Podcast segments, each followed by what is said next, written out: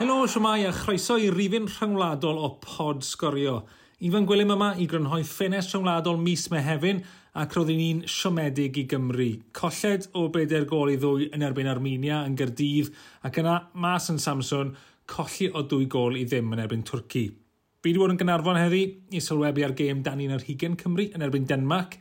Yn gynt pnawn yma, fi wedi bod yn siarad gyda Dylan Blain, oedd yn y blwch sylwebu gyda fi, ar gyfer y gymau dan un ar hugen yna Nethon ni drafod ymgyrch newydd y tîm dan un ar hugen ac ymateb hefyd i y ddwy gêm na i'r tîm cynta. Newn ni glywed hynna yn y man, newn ni hefyd glywed wrth Sioned Dafydd oedd mas yn Samson ar gyfer gêm y tîm cynta yn erbyn Twrci. Newn ni glywed ymateb Rob Page yn dilyn y gêm hefyd, ond yn gynta, Dyma'r penawdau ar ôl ffenest rhwngwladol mis Mehefin wrth i ni barhau ar y ffordd i Euro 2024 yn yr Almain.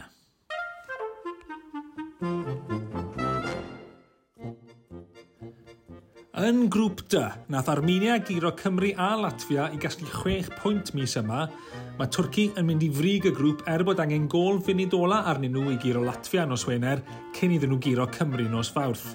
Ar ôl chwarae hanner ei gemau, mae Cymru felly yn bedwaredd yn y grŵp 5 pwynt tu ôl i Twrci. Yn y grwpiau arall, mae'r Alban wedi cael y dechrau perffaith yn grŵp A drwy giro 4 allan o 4. Mae Ffrainc, Lloegr a Portugal hefyd gyda record 100% ac yn edrych yn reit saff o gyrraedd yr Almain. Roedd mis Mehefin yn un llwyddiannus i Awstria, gath gen gyfartal gyda Gwlad Belg a chiro Sweden, ac roedd e'n fus llwyddiannus i Kazakhstan hefyd, nath giro gogledd Iwerddon a San Marino ac sydd yn ail yn grŵp H fel mae'n sefyll.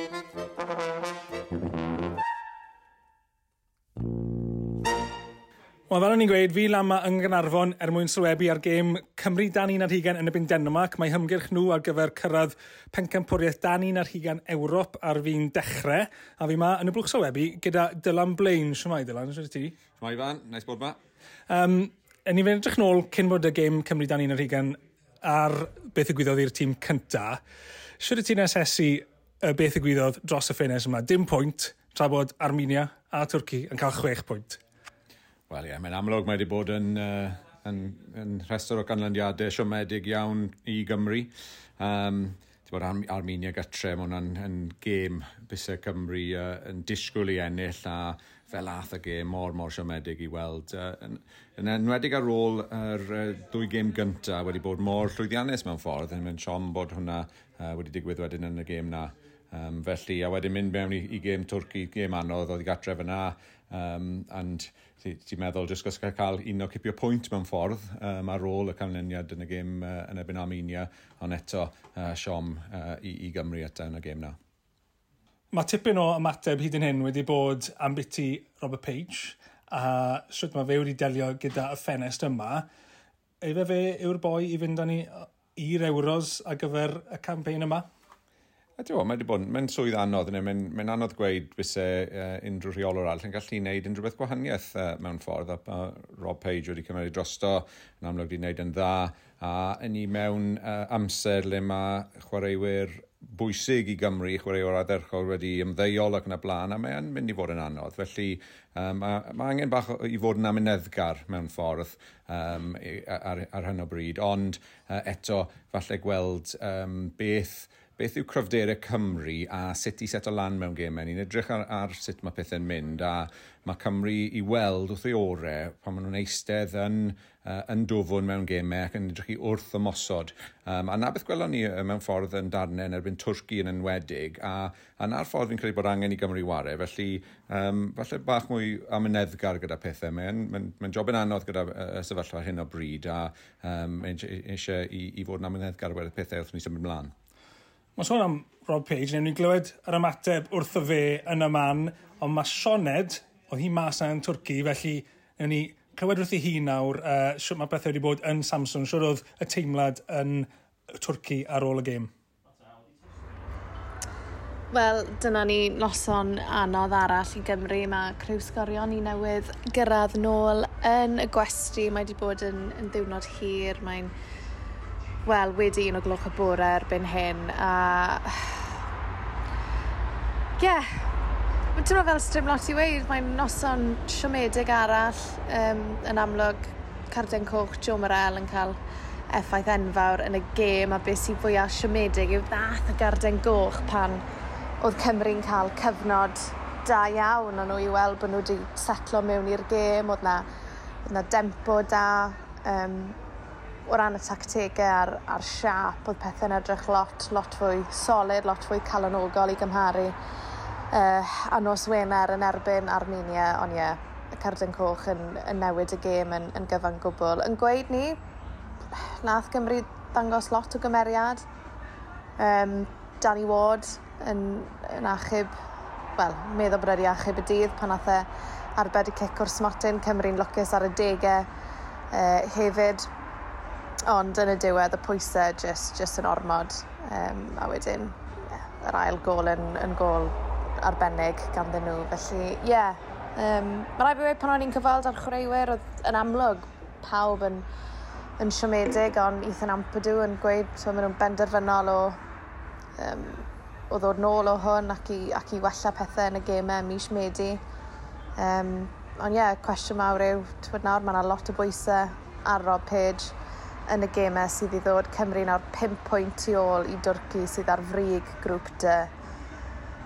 Felly ie, yeah, yn anffodus, mae'r Euros a'r Almain yn tymlo'n bell iawn i ffwrdd fel mae pethau'n sefyll. Gobeithio bod y cyfrogwyr wedi cyrraedd nôl yn saff. Mae rai fi wedi, dyw Samson ddim wedi bod yn le. yn le gret, dyw e ddim wedi bod yn lle hawsa uh, i weithio a wneud gêm. Uh, felly ie, yeah, trip nesaf nôl i'r holl cefnogwyr, gobeithio bod nhw'n oce. Okay. Um, a ie, yeah, dyna ni. Over and out o Samson. Uh, diolch yn fawr iawn i ti Sioned. Gwerthorogi cael yr ymateb o dwrci ar ôl noson anodd o wylio pildrod i gefnogwyr Cymru.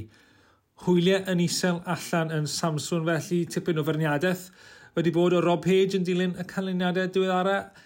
Dyma oedd da fe i weid wrth Sioned ar ôl y golled yn erbyn Twrci.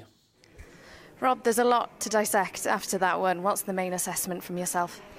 The main assessment is to come to Turkey um, with 11 men is a, a difficult challenge anyway.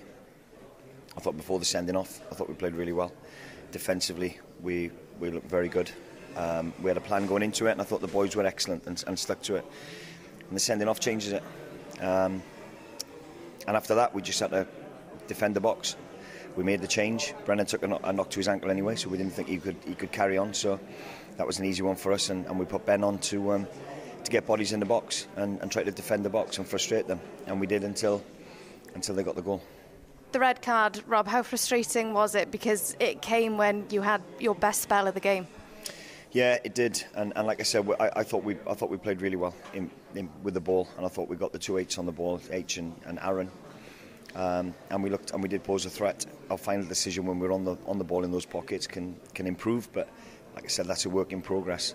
Um, the sending off changes it completely. It's as simple as that, and I've just made my, my feelings clear to the group.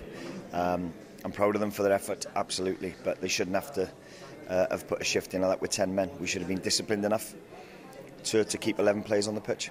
Yeah, two consecutive red cards. Now, Rob, is it becoming a bit of a problem? No, it was. Look, Kiefer's fallen for it last week on Friday. The keeper knew exactly what he was doing. We've got to learn. We've got to learn from it. And um, like I said, they're, they're good at the dark arts. And uh, and we've got to know not to not to retaliate. Danny Ward stepped up when he needed to for the penalty. Unlucky to concede the first goal because he got a touch to it, but then yeah. nothing you can do about the second.